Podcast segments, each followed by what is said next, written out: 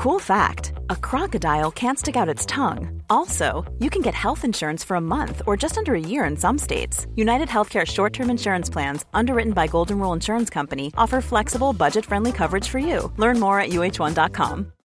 Millions of people have lost weight with personalized plans from Noom, like Evan, who can't stand salads and still lost 50 pounds. Salads, generally, for most people, are the easy button, right? For me, that wasn't an option. I never really was a salad guy. That's just not who I am. But Noom worked for me.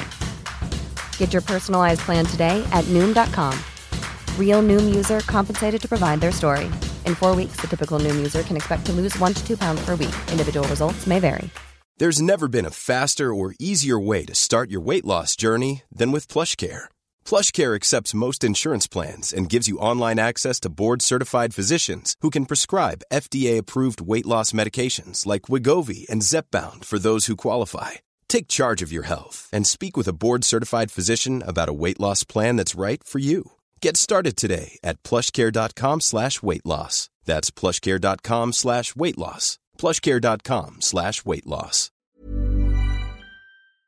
Veckans sponsor är Telia. Hos Telia samlar man mobil, bredband, IT-support, mobilväxel, allt som gör företagande enkelt. Och det är just det här att samla allt på ett ställe, att ha någon att vända sig till när det inte fungerar, det är Telia.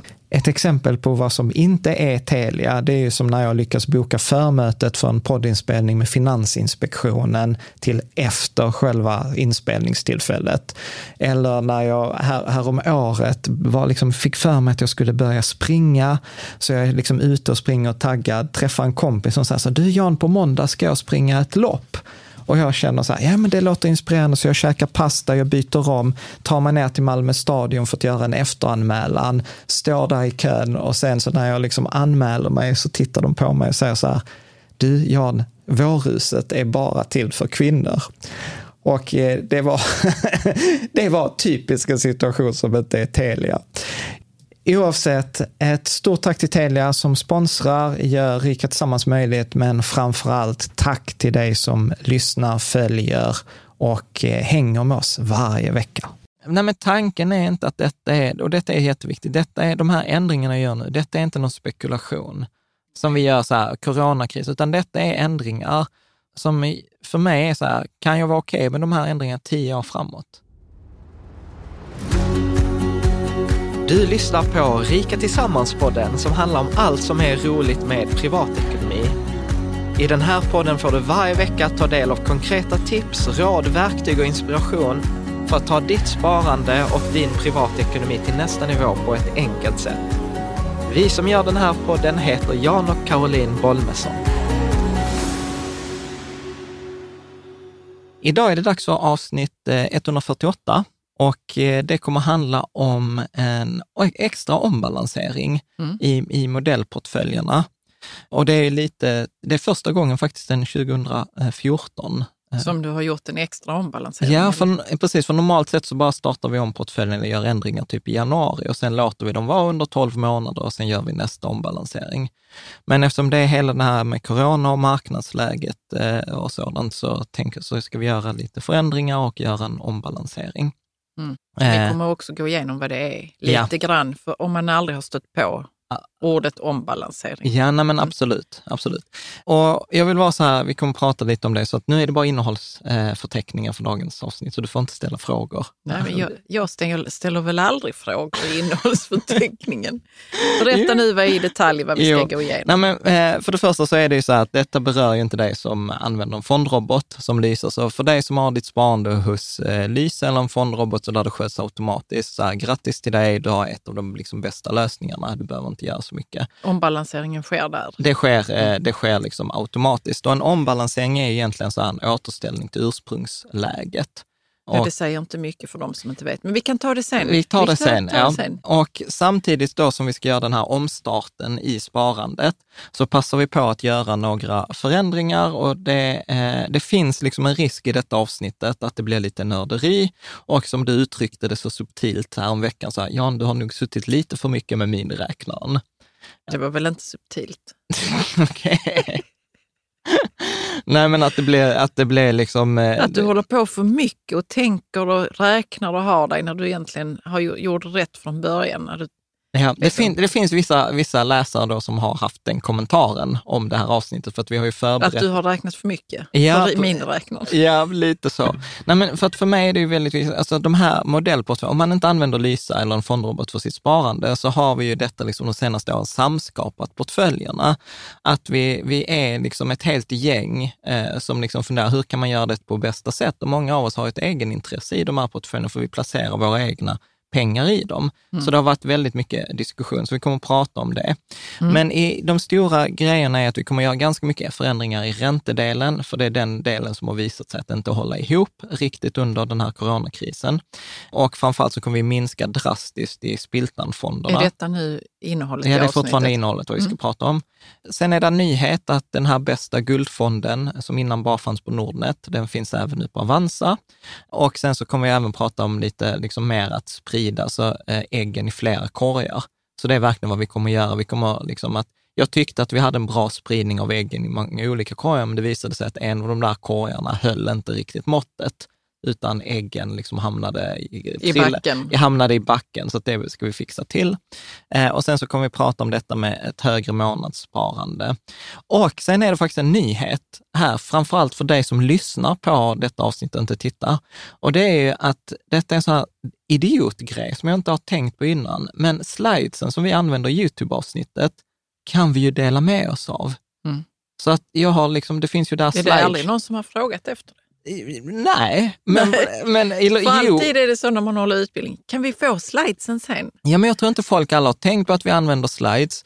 Och sen så har jag bara liksom så här, ska jag lägga ut en pdf och det är bökigt och så här. Och sen bara kom jag på, men det finns ju den här slideshare, mm.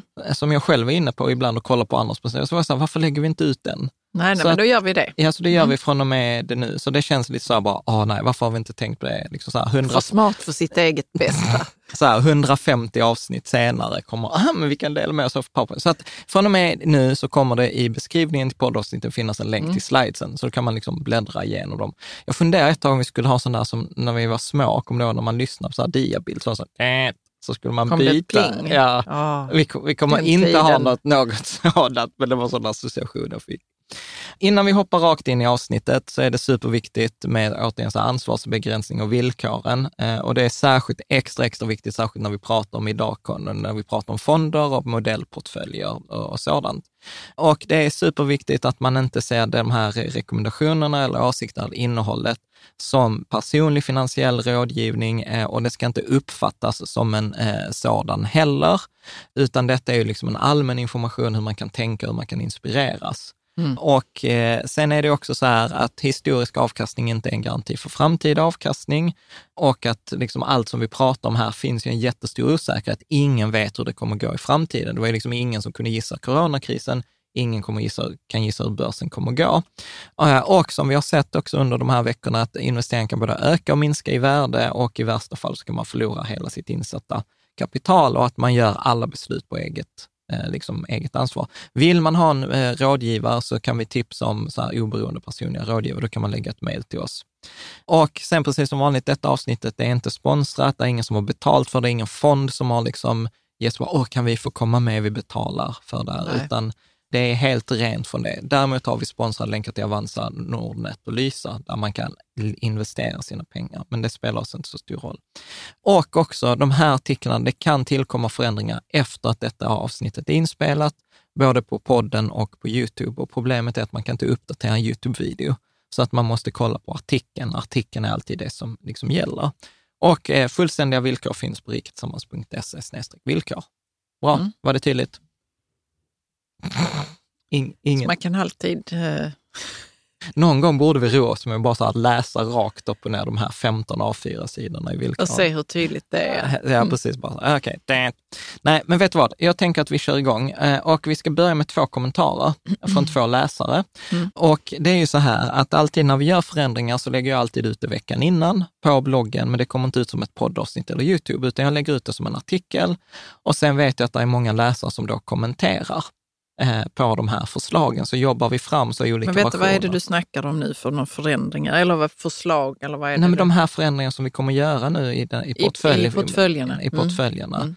och då lägger de, de ligger alltid ute, först en vecka eller två. Och sen som så ett förslag. Och som- så titta på det här, vad tycker ni om den här Ja. förändringen vi tänker göra i våra portföljer där våra pengar ligger och ska växa? Ja, Ja. precis. Tyckte du att det var så otydligt? Du är väldigt otydlig ibland.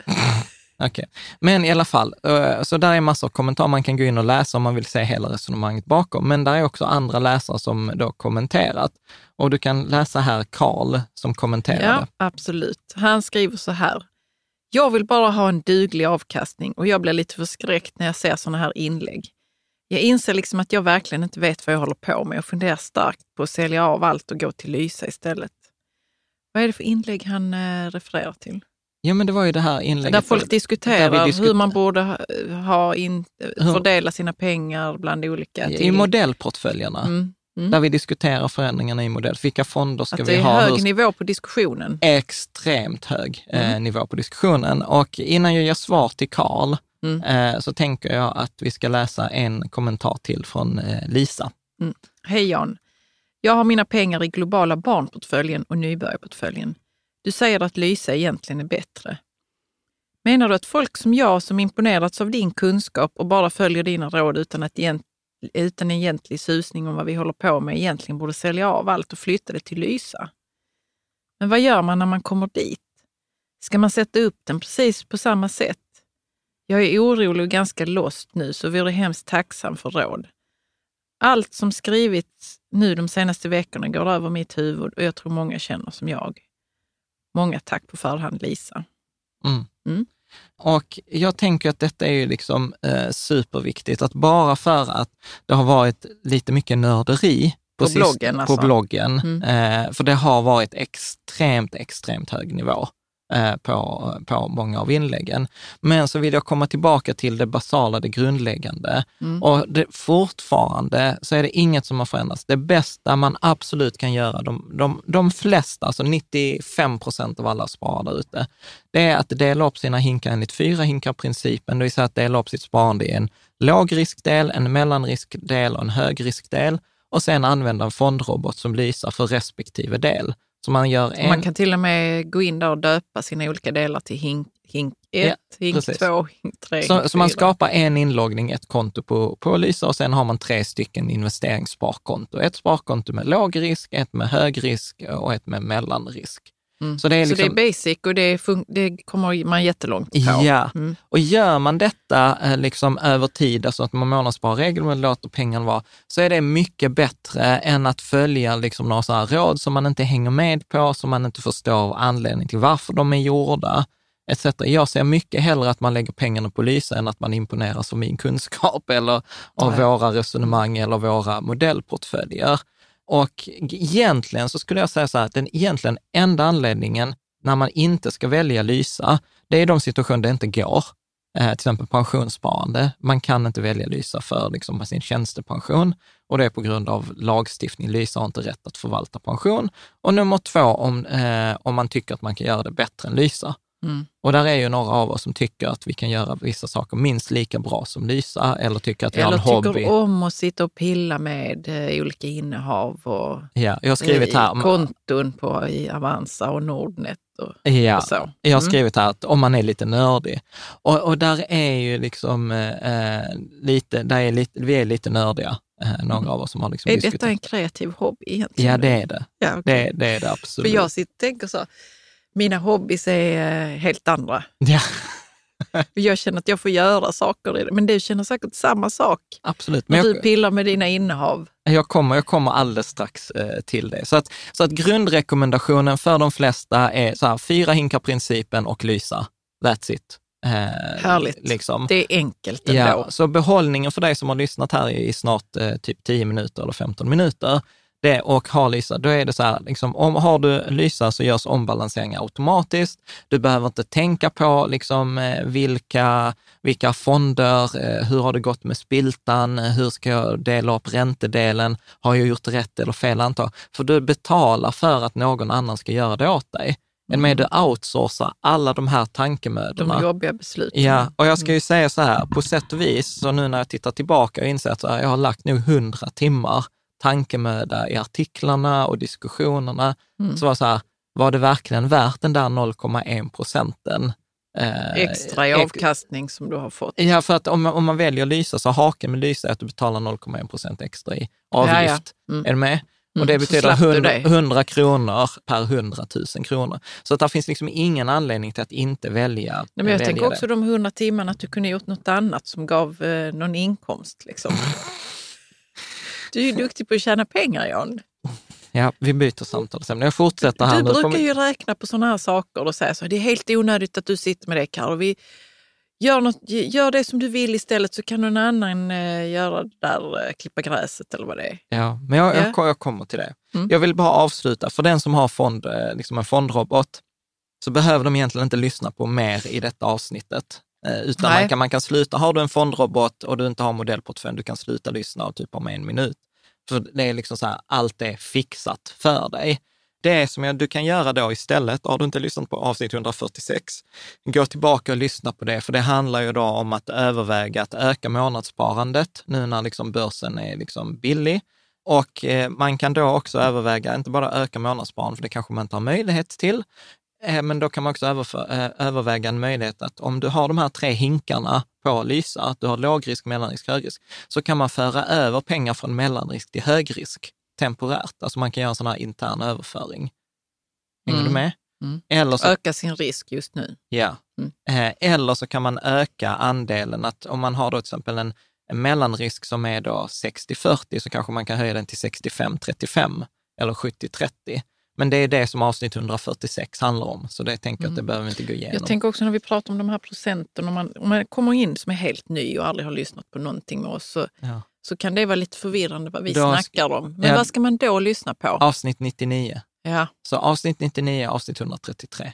Och det är lite basic ja, avsnitt. Precis, så att eh, om du inte har modellportfölj, då är det avsnitt 99, kom igång med ditt sparande, 133, fyra hinkar-principen avsnitt 146 är det dags att köpa nu när det är börskris. Mm. Mm.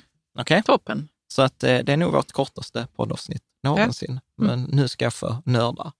Eh, så det blir resten av avsnittet här.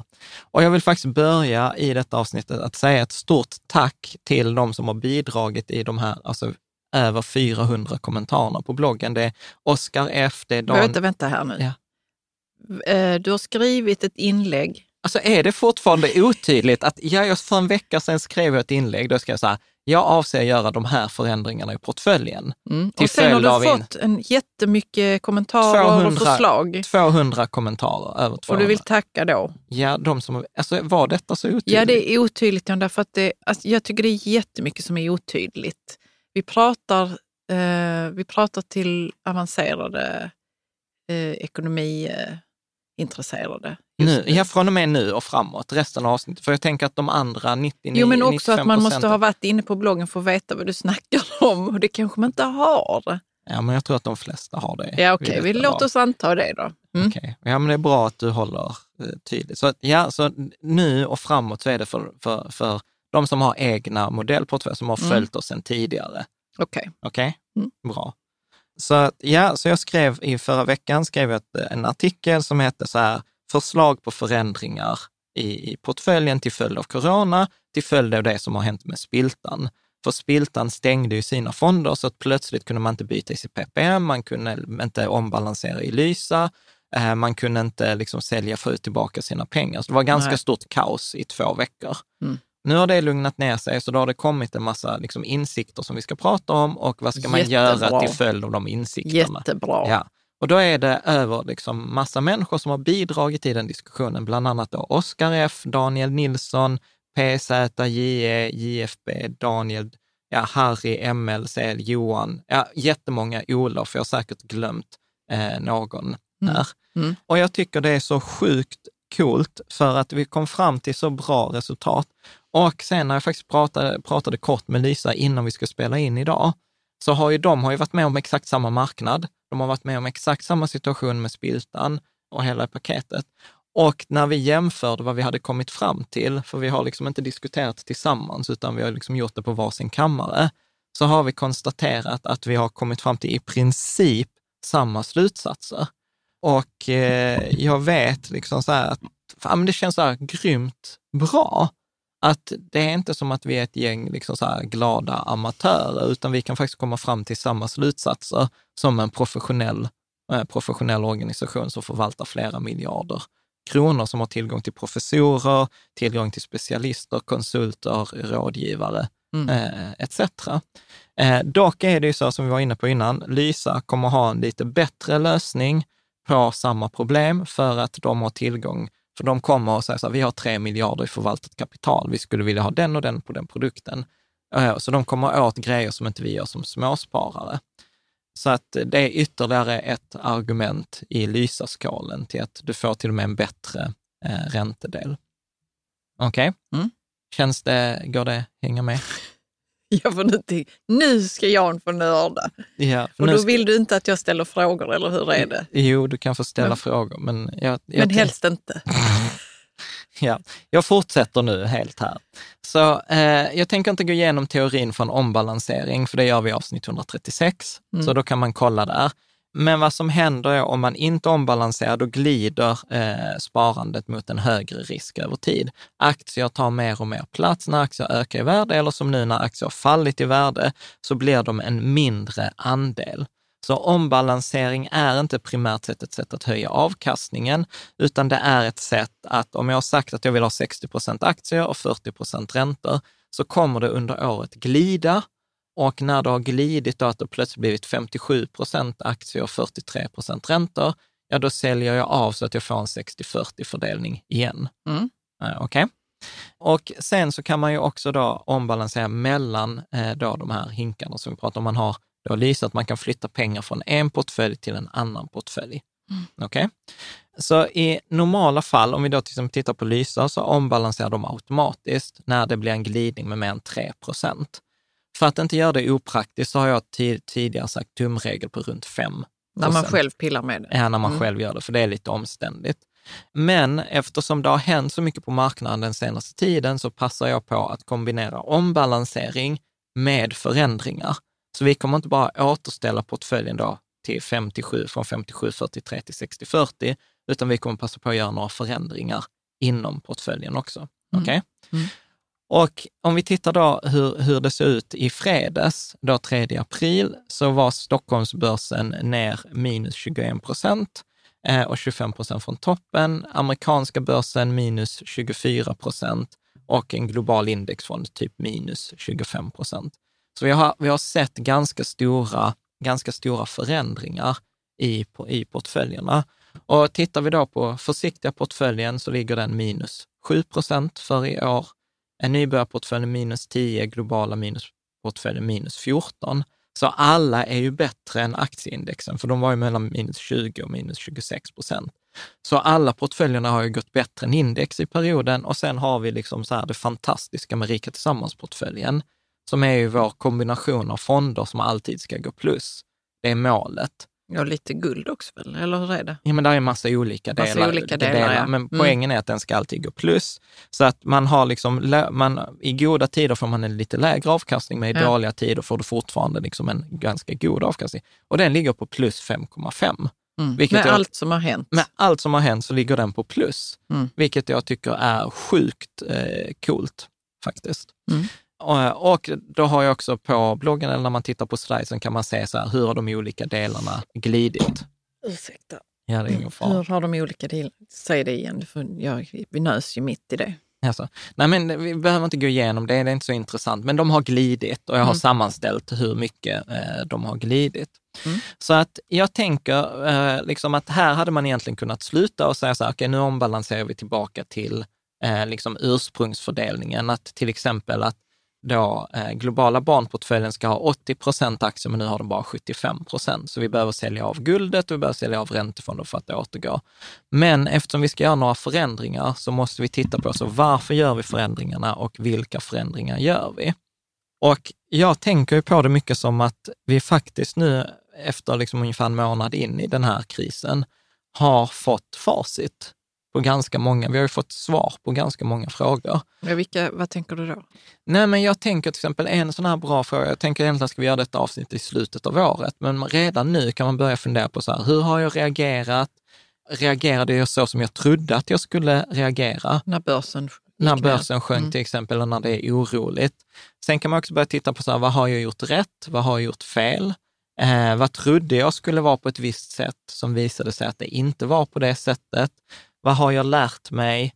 Och framförallt, har jag kunnat sova gott om natten? Har jag haft rätt balans i Mm. mitt sparande? Mm. Så detta är några bra frågor att ställa sig. Eh, och jag tänkte att jag ska redovisa några av de insikterna som jag har dragit från detta och som uppenbarligen då till exempel Lysa också har dragit på, på Okej. egen kammare. Mm. Och jag upplever alltid att när det går åt helvete för mig, eller när det går åt skogen, liksom, eller när jag lyckas missa eller när jag misslyckas, så beror det alltid på två grejer. Och den ena grejen är det som eh, Eugene Lewis Fordsworth sa. Det ska bli väldigt intressant nu. Ja, men du kan ju läsa vad han sa. Vad han säger. Ja. Eugene Lewis Forthworth Ja. säger assumptions are the mother of all fuck-ups. Så att när man antar saker så vet man egentligen inte utan... Nej, man gör ett antagande och sen bygger man sin, sin strategi på den grunden. Ja. Och sen visar det sig att det antagandet höll ju inte och då rasar ju allt man har byggt Mm. på det antagandet. Det är som Mm. att bygga ett hus utan en fast grund. Mm. Det spelar ingen roll hur fantastiskt huset är om inte grunden är stabil. Nej. Och sen eh, sägs det ju att Mark Twain sa nästa grej, fast det finns andra som säger att det inte var Mark Twain. Men det spelar Men ingen han, roll. han och Einstein får många sådana citat tillskrivna sig. Ja, precis. Jag brukar ju Men säga... låt oss se vad han har sagt nu då. Ja, What, get, what gets us into trouble is not what we don't know, it's what we know for sure that just ain't so. mm. Så att man Det som vi är utgår- säkra på, men, men inte är så, det är det som får oss att göra misstag. Ja, precis. Att återigen, det hänger ihop med antag. Jag antar att en viss sak är på ett visst sätt och sen så är det inte på, på det sättet. Så låt oss titta på de här antagandena som inte har visat sig stämma. Alltså vilka assumptions har vi gjort som har varit liksom fuck-ups? Och sen får man också hålla detta i, i relation. Vi pratar inte som att liksom portföljen har fallit och alla pengar är förlorade, utan vi pratar att portföljen gick ner kanske minus 7 procent när det egentligen bara skulle gå ner 5 procent eller Mm. 4 procent. Mm. Så att det är inte... Bra att du förtydligar där. Ja, så att det är inte som så, åh katastrof, modellportföljerna funkar inte. Nej, men de funkar till 80 procent och sen är det 20 procent som, som, som vi och många andra har missat. Så att, Och Mm. detta ska också vara så här, vara lite schysst mot mig själv, för att detta är ju liksom eh, experter och f- liksom myndigheter, Finansinspektionen, eh, Pensionsmyndigheten, det är många av de här grejerna som många inte har förutsett. Så vi sitter i de misstagen här som vi gjort i antagande. Det är samma misstag som Lysa har gjort, som Avanza har gjort, som ICA-banken har gjort, som Pensionsmyndigheten, alltså som flera andra har gjort. Mm. För att det är första gången det händer på marknaden. Eh, så att vi är många som har gjort samma antagande. Eh, ja, och det första antagandet är så här att den svenska och den nordiska företagsobligationensmarknaden funkar inte. Är det ett antagande eller? Eh, Eh, nej, det är, nej, ett det det som konstater- hände. det är ett konstaterande. Det är det som hände? Ja. okej. Och företagsobligationsmarknaden, det är ju det här när en räntefond, när man lånar ut pengar till ett företag, för att företag behöver till exempel så här, nej men eh, vi har mycket verksamhet i början av året och i slutet av året, men vi har inget verksamhet under sommaren. Då måste de låna pengar under sommaren för att kunna betala alla sina anställda och sen tjänar de pengarna på hösten och betalar tillbaka. Mm. Men då lånar Okej. man pengar Mm. och det lånet kallas för en obligation. Ja. Och de här lånen, vi pratar om detta, jag tror avsnitt 60 eller 63, där vi, eller 64, där vi pratar om allt du behöver veta om en räntefond. Eh, och de här lånen kan ju då säljas mellan olika räntefonder. Problemet, vad som hände nu med coronakrisen, var ju att alla företag typ förlorade ju typ, eh, alla slutade flyga samtidigt, alla slutade åka på kryssning. Massa företag, Volvo permitterade alla sina anställda och en massa varsel. Så plötsligt var ju de här lånen till ett företag som Volvo, blev marknaden osäker, kommer Volvo kunna betala tillbaka det här lånet? Mm. Och då blev folk osäkra och plötsligt så var det ingen som ville ta i de här lånen. Så när, när sen folk gick till en räntefond och sa så här, jag vill ha tillbaka mina pengar, så sa räntefonden så här, ja fast vi kan inte sälja det här lånet till någon och vi har inte pengar för att betala det här uttaget. Så att då stängde man fonderna för uttag och för insättningar. Ja. Men alla med? pengar är kvar. Det är bara det att man kan inte... Ja, fast de, ja, precis. Nu har de öppnat igen. Detta hände för två veckor sedan. Men det man kan konstatera så här i efterhand, det var ju så här att den funkar inte, den marknaden så som det var sett. Det var, ingen, det var första gången detta hände i Sverige.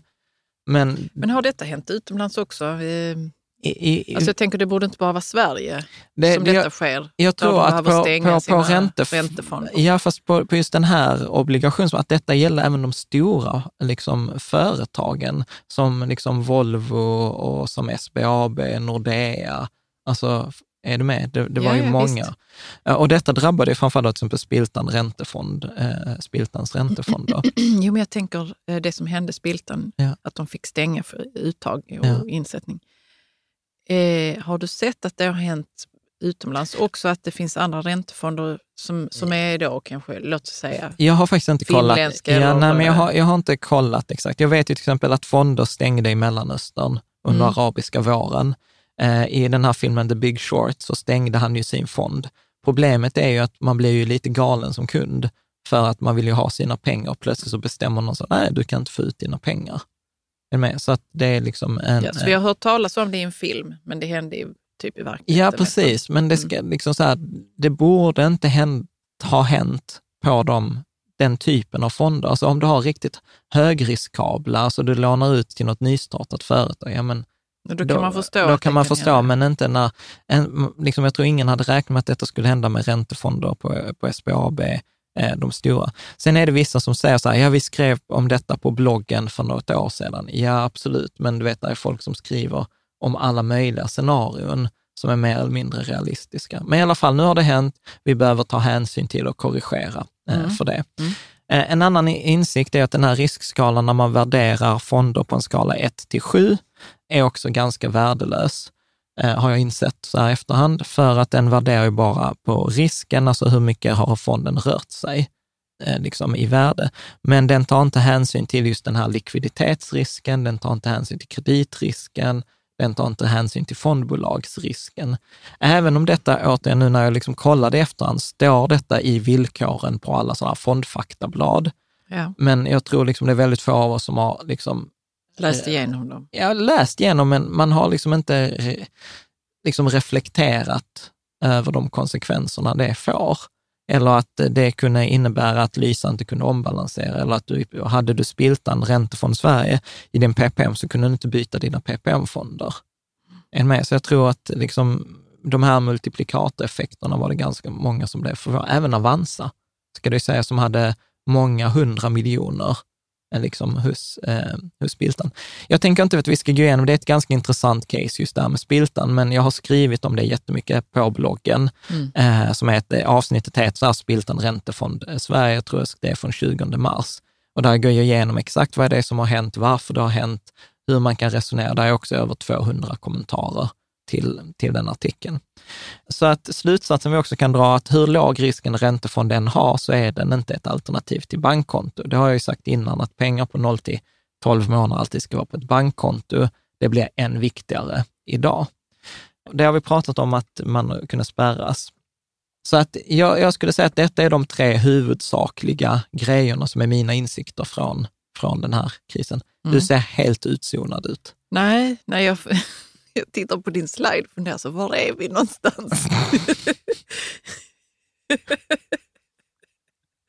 nu när det är viktigt så att vi ska göra eh, slidesen, eh, vi ska sharea dem, vad heter det, dela dem, var är vi någonstans? Vi, är- Men vi har gått igenom det Vi har kanske. gått igenom, jag jag är inte så att, alltså för mig är detta stödord för att kunna prata Ja, jag vet, avsnitt. jag vet, men Ja. för mig är det också det. Ja, Mm. Eh, bra. Vad skönt att det inte var värre än så. Mm. Eh, sen är det många antaganden som också visat sig stämma, som är många. Vi har- Så att jag skulle säga så att jag har haft eh, eh, åtta av tio rätt under den här krisen. Sen har jag haft två av tio fel. Och det var det med... Ja, det var de här grejerna vi gick igenom nu. Mm. Sen på, på avsnitt 146 går vi igenom väldigt många andra saker som har visat sig stämma. Att svenska kronan förlorar i sitt värde, volatilitet, alltså svängningarna på börsen ökar, det blir panik, hur, alltså, ja, mass, massor av grejer som har visat sig stämma också. Så att de ändringarna som vi gör, och det, detta är roligt för detta är precis de eh, slutsatserna som då Lysa och många andra har dragit och som vi hittade konsensus kring i kommentarerna. Så att detta är inte bara jag som har kommit fram till, utan vi är många som hjälps åt. Eh, Så vi måste ha en större diversifiering, det vill säga vi måste dela upp äggen på fler korgar. Så pengarna måste sitta i fler olika... Korgar i Och räntedelen. korgarna är då tillgångs... Slagen. Ja, precis. Innan så har vi grovt sagt, sagt så här, vi har en aktiekorg Aktiekorgen har funkat precis så som den ska i den här Mm. krisen. Mm. Vi har haft en guldkorg, den har funkat precis så som den ska i den här krisen. Och sen har vi haft en räntekorg. Ja. Och när vi tittar i de här så aktiekorgen, alla äggen är hela och fina. Guldkorgen, där har det blivit fler ägg och de är polerade och blanka. De har gått jättebra. Mm. Men i räntekorgen, där är liksom så här 20 procent av äggen är sönder liksom, eh, i den. Eh, och vi vi måste Men vad fixa. betyder det om, om, om du skulle översätta det till verklighet? Vad Det har hänt kommer- med pengarna då? Ja, men vi har- de- har gått sönder. Ja, men vi har förlorat lite pengar. Vi har förlorat lite mer pengar. Vi har Mm. förlorat mer, så här, vi har förlorat lite pengar. Det har vi gjort i aktie, eh, ko- eh, aktiekorgen också. Men vi har förlorat mer pengar än vad som var tänkt. Än vad som ja. var teorin i Än vad som portföljen. var varför vi Antagen. hade Ja. eh, räntefonderna. Ja, Mm. precis. Så att man kan jämföra så här, så här att vi hade en bil, vi skulle broms, om vi tryckte på bromsen skulle vi stanna på 100 meter. Mm. Ja, nu stannar bilen på 110 meter. Mm. Så det tog liksom längre tid. Mm. Så vi har fel antaganden. Eh, så att vi, det vi behöver göra, vi behöver ta bort, eh, minska exponering mot de svenska företagsobligationerna. Mm. Det vill säga alltså mindre av de här eh, högrisk, det som vi innan trodde var lågriskräntor som visade sig vara högriskräntor. Så minskad andel där. En större exponering mot då globala och eh, europeiska företagsobligationer. Så istället för att hålla oss till en svensk marknad med typ 100 stora företag, så tittar vi på en större marknad med kanske flera tusen företag. Är du med? Så vi flyttar blicken från, från Sverige till, till världen Europa. Vi inför eh, bankkonto som ett alternativ. Så att eh, vi säger inte att den lägsta risken nu, den lägsta eh, delen är liksom en räntefond, utan nu säger vi att det är bankkonto. Eh, och där, ja, där är många läsare, Jack med flera, som kommer vara så här, vad var det vi sa? Ja, ni hade rätt. Jag ger Vad var det de sa då? Ja, men de sa att, nej men varför har ni inte bara ett bankkonto? Där finns vissa poänger för att ha bankkonto, så att ja, jag, jag sällar mig till den skolan till viss del. Vi har också tagit att vi måste diversifiera även med, även om vi tittar på den här aktiekorgen, även om det inte har hänt någonting, så har vi ett stort ägg där just nu. Och då tycker jag att det är bättre att ta det ägget och dela upp det i två mindre ägg.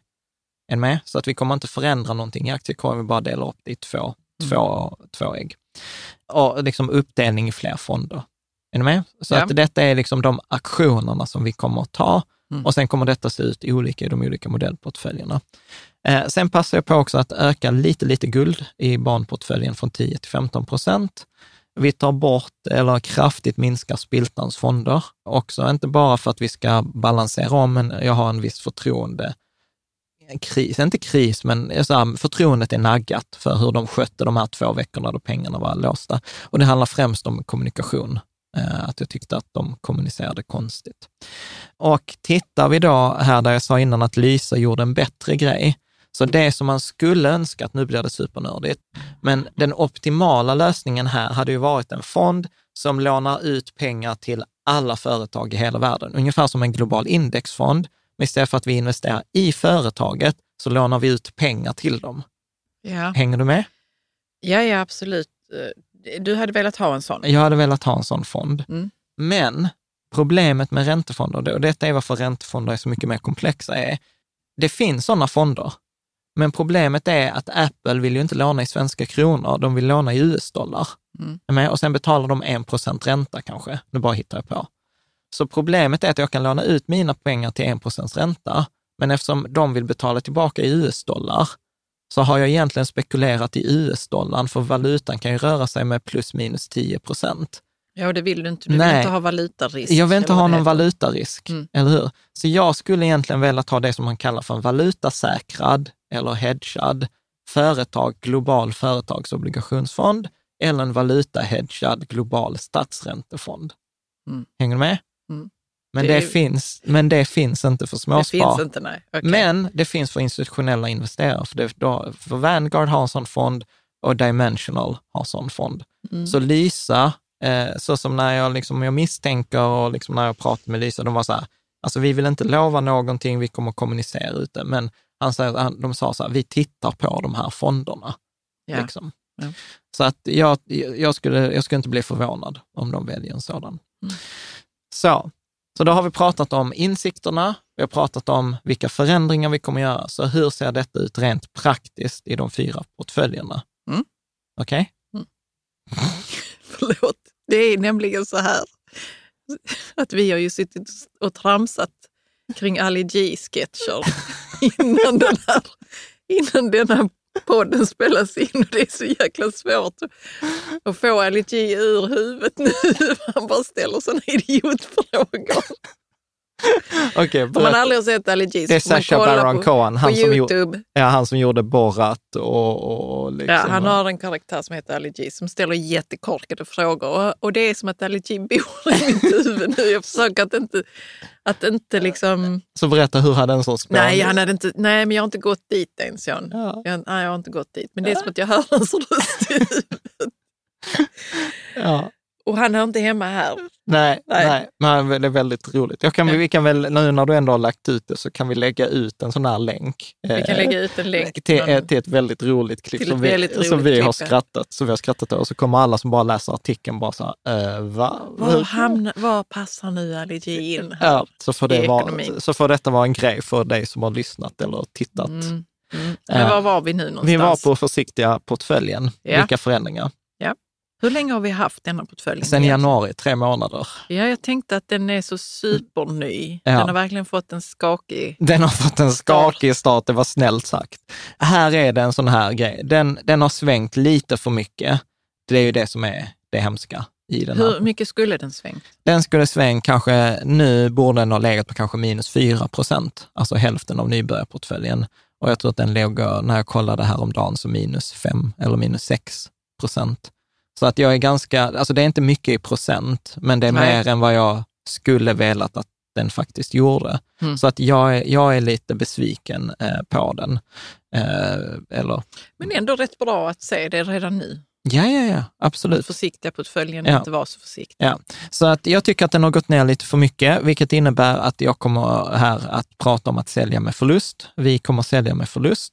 Man, kan, eh, man skulle kunna spekulera låta den vara, för att vi har pratat att den ska ha en tidshorisont på 1 till 3 år eller 0 till 4 år, att den kommer studsa tillbaka. Men då är det en hoppstrategi, alltså att man hoppas. Och jag påstår att hoppas är inte en strategi. Nej. Utan då är det bättre att inse så här, ja men vi antagandena som vi gjorde kunde vi inte förutsett, de var fel, så nu får vi korrigera.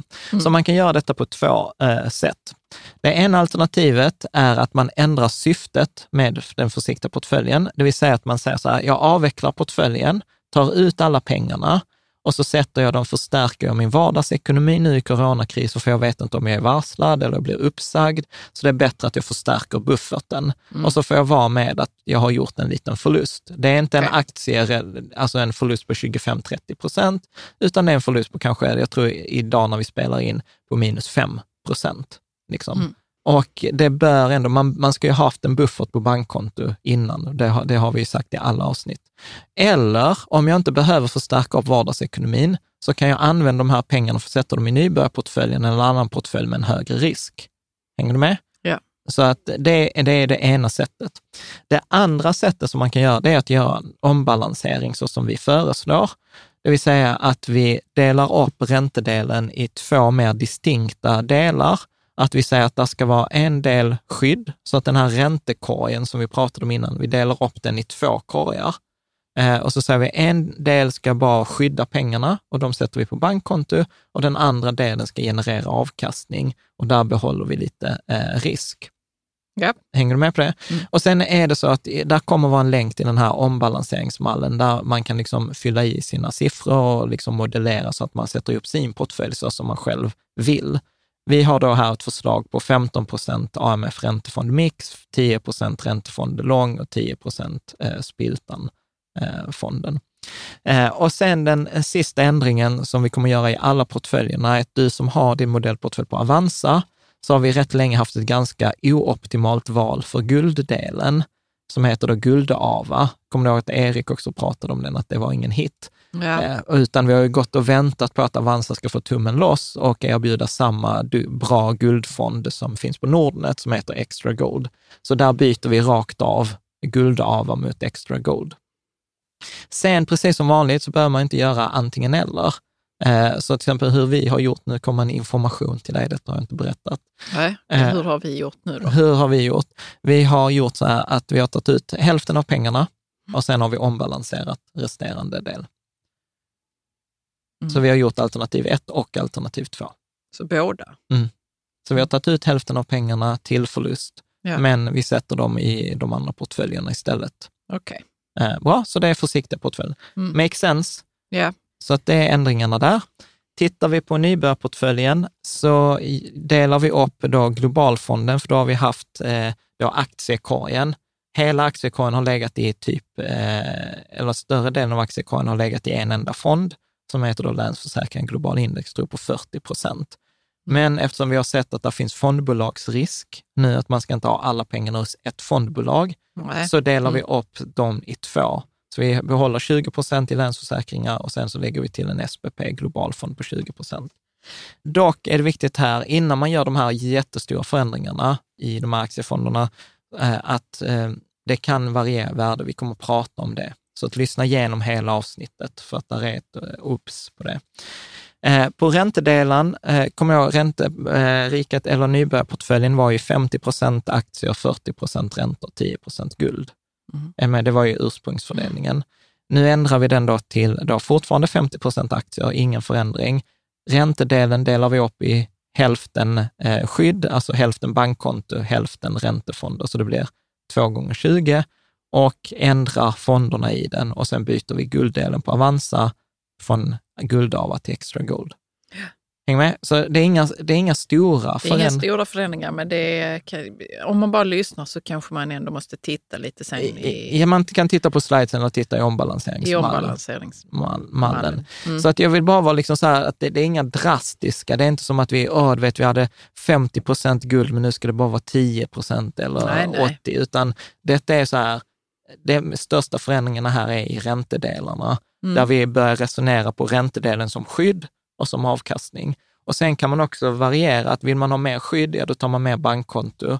Vill man ha mer aggressivt räntor, ja då tar man mer av avkastningsdelen. Jag har valt delade 50-50.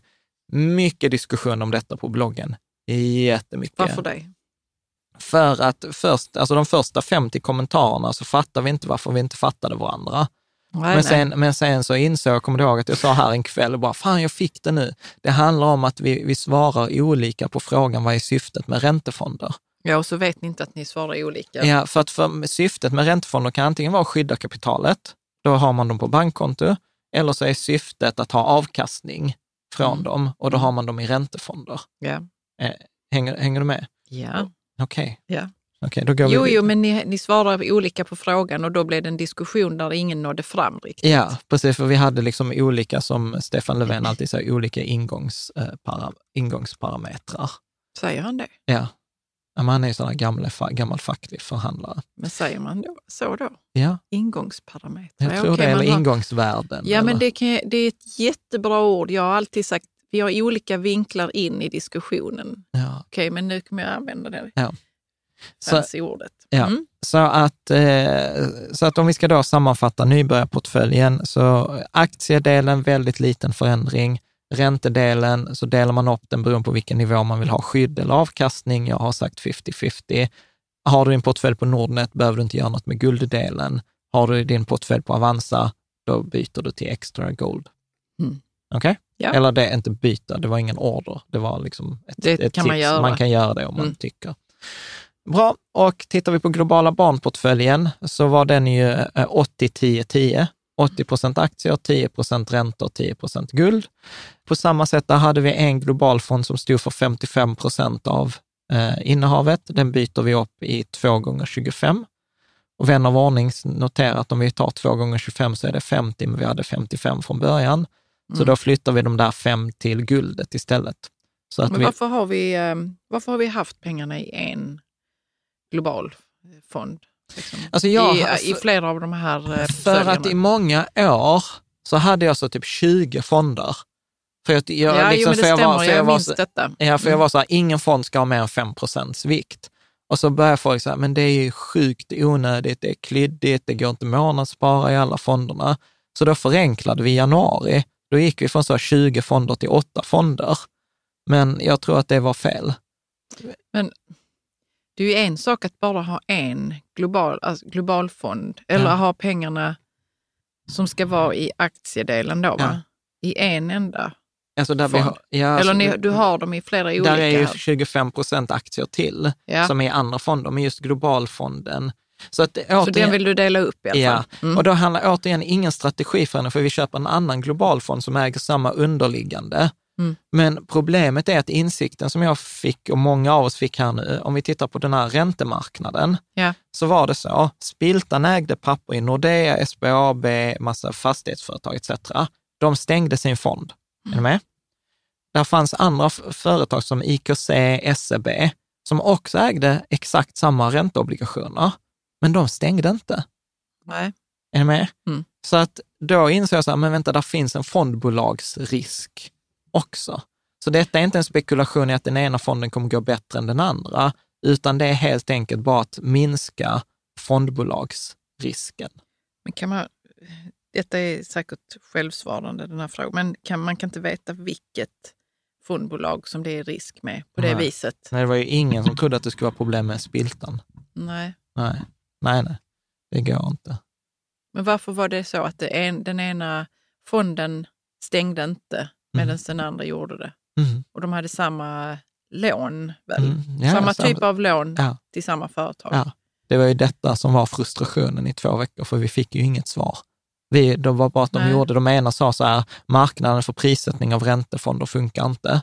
Det sa Spiltan. Och de andra sa så här, marknaden för att prissätta fonder funkar alldeles utmärkt. Och då var det så här, vänta här nu. Då är det en åsiktsfråga Ja. då snarare? Eller? Ja, precis. Och detta var en av de stora problematikerna. Att, eh, och det är för mig insikt är så här, man kan inte bortse från fonden fondbolagsrisk. Och då är detta ett sätt liksom att göra. Men vem hade rätt egentligen? Ja, det vet vi inte. För den ene säger att eh, marknaden funkar inte.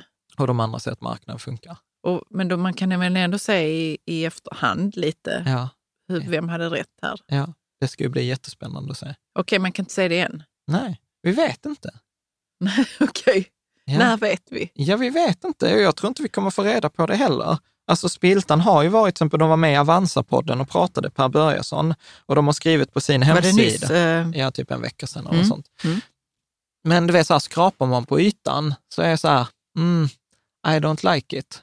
Jag gillar, inte, jag gillar inte svaren, jag gillar inte hur, liksom, jag, jag har inte fått svar, jag har inte fått ett tillfredsställande svar. Och det är därför vi går till exempel igenom portföljen så hade vi, vi hade 45 procent i spiltan. Nu drar vi ner det till 5 och 10.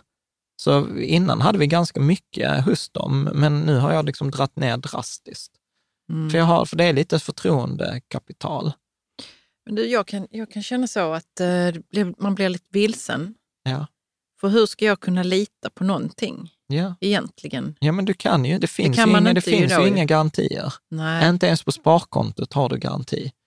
Så att det är ju detta. Det är därför det är så liksom att man behöver navigera. Och det är därför jag också pratar om som till exempel Lysa som en fondrobot. Och använder du Lysa, då har du outsourcat de tankarna till någon annan. Mm. Är du med?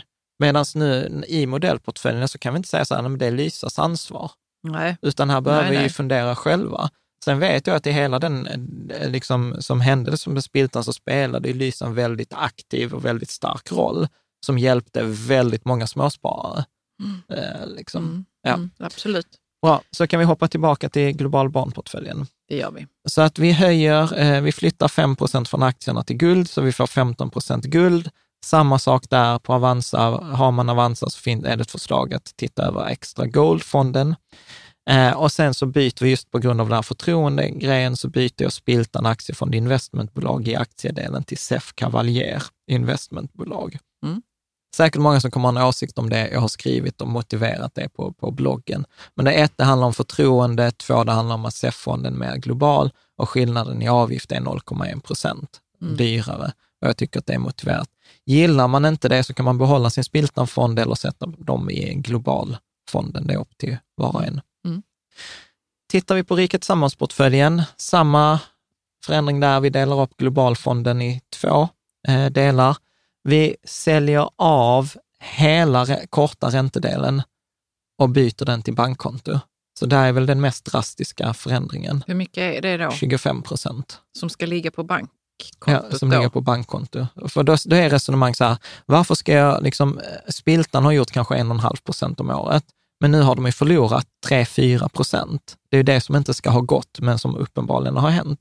Och då blir jag så här, varför ska jag riskera minus 4 procent för att få 1,5 procent, när jag på ett bankkonto kan få 0,6-0,7 utan någon risk? Hänger du med? Mm. Så att det, det är därför bankkontot. Och sen samma sak där så har vi brutit upp eh, guldfonden, eh, där bryter vi faktiskt upp guldfonden i två delar också. För att eh, i rikets samhällsportföljen så är det 25 procent guld. Sen är det faktiskt en annan fördel som jag glömt att nämna, att när man har större antal fonder så bedömer till exempel Nordnet Avanza det som en lägre risk när de gör kreditbedömningar. Så om man till exempel belånar portföljen så får man bättre villkor om man då till exempel har två guldfonder än om man bara har en guldfond. Mhm. Så där är, där är ett, liksom ett sånt perspektiv eh, också. Men det här med att ha 25 procent av pengarna på bankkontot, är det under en begränsad tid? Eller? Nej. Nej, så det kommer vara så här framgent. Det är inte nu under coronakrisen, utan det kommer vara så i portföljerna framgent. Det är rätt mycket pengar ju som bara kan stå på bankkontot Ja, ja. och ätas upp av inflationen. Ja. Ja, så är det. Är det inte känslomässigt det här John? Eh, Att du nej, har tagit ett beslut eh, och tänkt så att det, Nej, men alltså ska alterna- åtminstone inte vara i någon... ja, fast det, eh, precis, men det är så jag har resonerat innan. Men jag tar hellre liksom 0,5-0,8 procents förlust i inflation än minus 4 i en företagsobligationsfond. Mm. fram- Ja, okej, man ställer siffrorna mot varandra så är det Ja. ju lättare. Ja. Alternativet är ju då egentligen teorin i rikt samhällsportföljen, om man tittar på Harry Browns böcker som tog fram denna på 70-talet.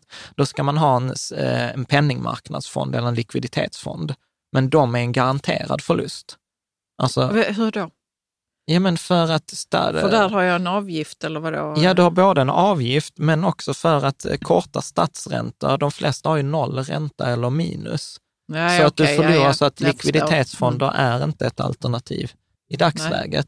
Och då är det bättre ett konto med insättningsgaranti och ta de där 0,6-0,7 procenten. Liksom. Mm. Så att, eh, ja, alltså så här, det finns inte så många alternativ. Men hur har diskussionen gått på bloggen då kring, kring det att ha 25 procent på bankkontot? Ja, folk tycker att jag borde ha gjort detta för länge sedan. Aha, jag trodde du skulle säga folk tycker du är dum i huvudet. Nej, nej, nej. nej, de flesta tycker nog att detta skulle vi gjort för länge sedan och jag har lite stretat emot.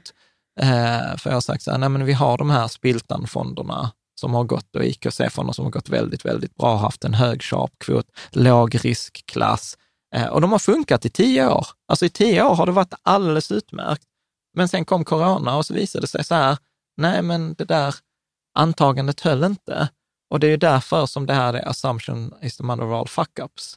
Det funkar fram tills den dagen det inte funkade längre. Så man kan ju argumentera för eh, att, man, att det är på lång sikt, det, ränteläget kommer inte alltid vara så här, men då tänker jag så här att nej, men vi kan ju ändra det och återigen, vi har ju både skydd och eh, avkastning.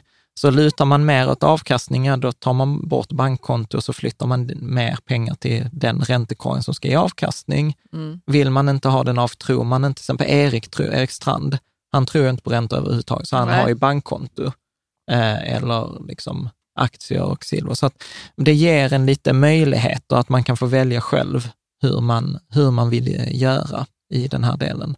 Och jag, jag, jag är så här klassisk, lite lagom. Mm. Make sense? Makes sense, men detta har upptagit mycket tankar kan jag tänka mig. Ja, jättemycket. Detta är roligt. Så här. men vad tror du att jag att- gör ibland när jag sitter framför datorn där på kvällarna och skriver på inläggen? Jag, jag tror absolut att du tänker mycket John. Ja. Eh, Det är bara det att eh, vi, vi pratar ju inte så mycket om det just då, Nej. när tankarna pågår, utan det är Nej. nu.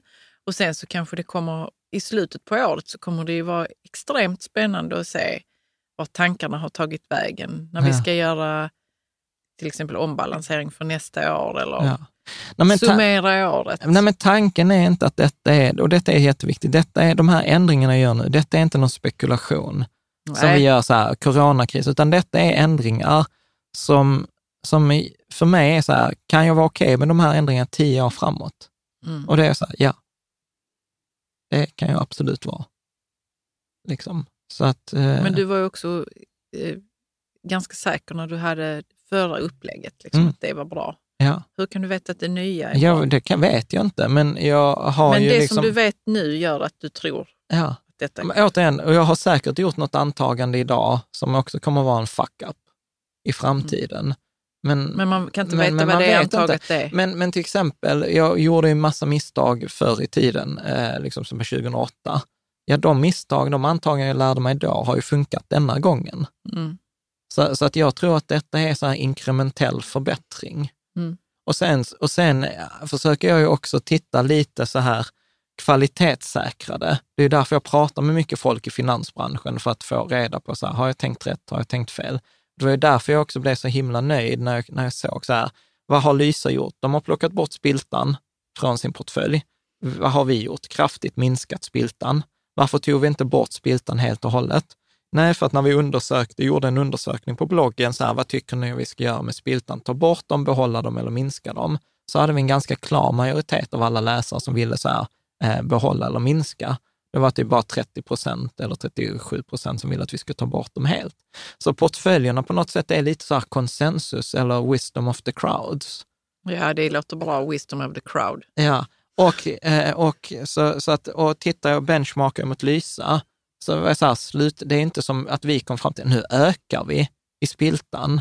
Och så Lysa kommer fram till, nej men vi tar bort spiltan helt och hållet. Då hade det varit så här, oh, oh, någon av oss har missat. Har tänkt fel. Ja. Mm. Ja, eh, så hänger du med? Mm.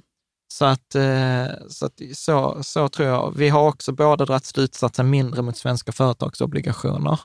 Vi har också både dragit slutsatsen mer globala eh, och europeiska företagsobligationer, men de borde vara säk, valutasäkrade.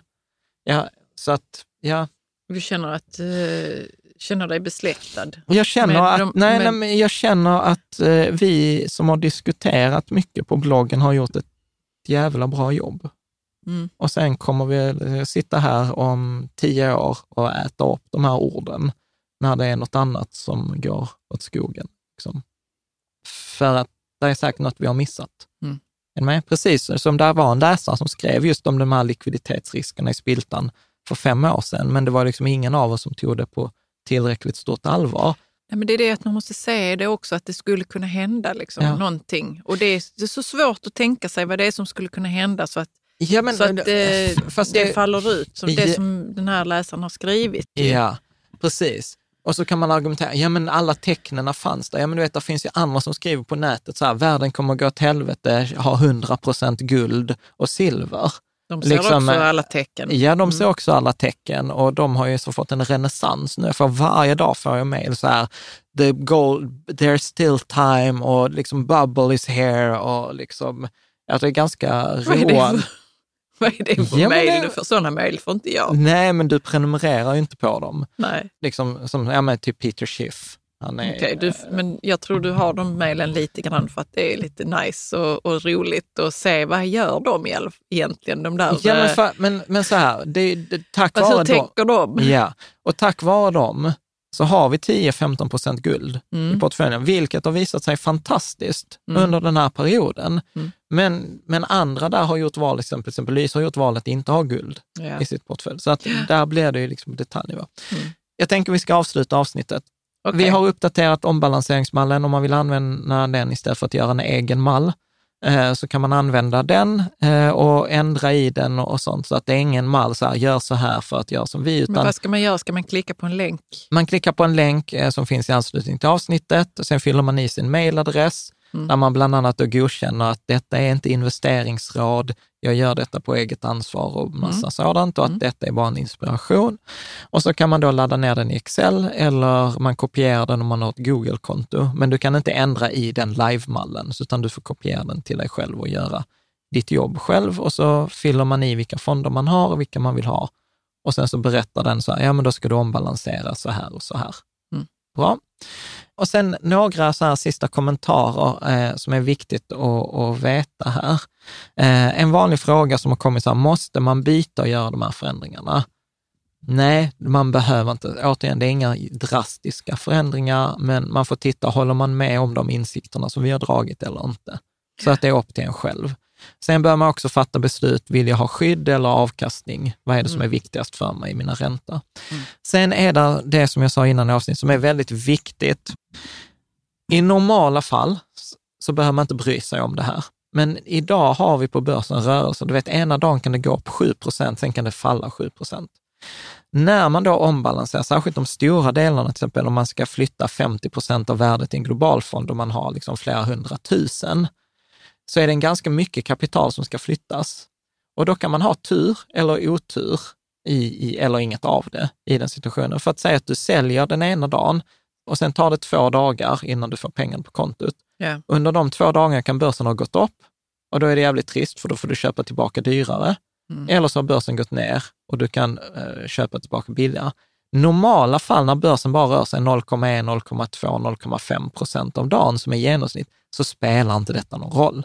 Nej. Men när vi har rörelser på 7-8 procent om dagen så kan detta spela en väsentlig roll. Mm. Så att jag skulle säga så här att när det gäller att sälja av räntedelen, det kan man göra rakt upp och ner. Men när man ska byta mellan de här olika globalfonderna, då kanske man inte ska byta, sälja av hela hälften, utan då kanske man gör detta över fyra veckor. Att man säljer av, först säljer vi av 10 procent av globalfond eller 5 procent. Nästa vecka säljer vi av 5 procent och sen 5 så att man sprider ut den över tid. Okej. Det, det beror på liksom hur mycket, eller så bara säger man så här, vi pausar ombalansering i globalfonderna. Det gör man lite som man vill. Mm. Sen var det som vi har varit inne på, äntligen kan man köpa guld via Avanza från och med då måndagen den 6 april, vilket var så här, äntligen, bra jobbat Avanza. Och sen, sen var det faktiskt en kommentar sån här eh, från JFB, tror jag det var, som skrev så här, var försiktig med nischaktörernas sparkonto så att man inte blir så här, oh, du vet, nu ska jag ha pengarna på sparkonto för Jan har sagt att sparkonto är bra. Och så tar man något sånt här Hoist Spar eller Alltså jag något- tänkte inte ens på de nischaktörerna när Nej, vi men- pratade om, men det är bra att du tar upp det. Ja, det för han nog- var, och Dagens Industri har också länkat till en artikel på bloggen där de skriver så här att många av de här blankolånsföretagen är inte så himla stabila. Nej. Så att jag själv, eh, till exempel på Nord, jag kommer ändå ha pengarna på Nordet på sparkonto med ingen ränta för att ha det på samma, eh, samma ställe. Om man har pengarna på Avanza så har de så här Avanza sparkonto plus med insättningsgaranti. Så att välj stora kända aktörer så att du inte tar en risk i bankkontot så att vi sitter Nej. här om, om 12 månader så bara, ja, men vi hade ett bra antagande om bankkonto, men det var bara det att jag valde ett bajsigt eh, bankkonto. Ja, bra. Sen finns det på bloggen, har jag gjort en lista med, för, det var så, äh, kan du inte göra en lista på, på liksom de här fonderna? Eh, och då finns det en lista, jag tror vi satte ihop 35 olika typer av räntefonder. Jag tror aldrig jag har sett en sån sammanställning på räntefonder som man kan välja till sin skydds eller del. Men det är inget vi går igenom, det är för avancerade plus plus med guldstjärna som tittar på det, men det finns.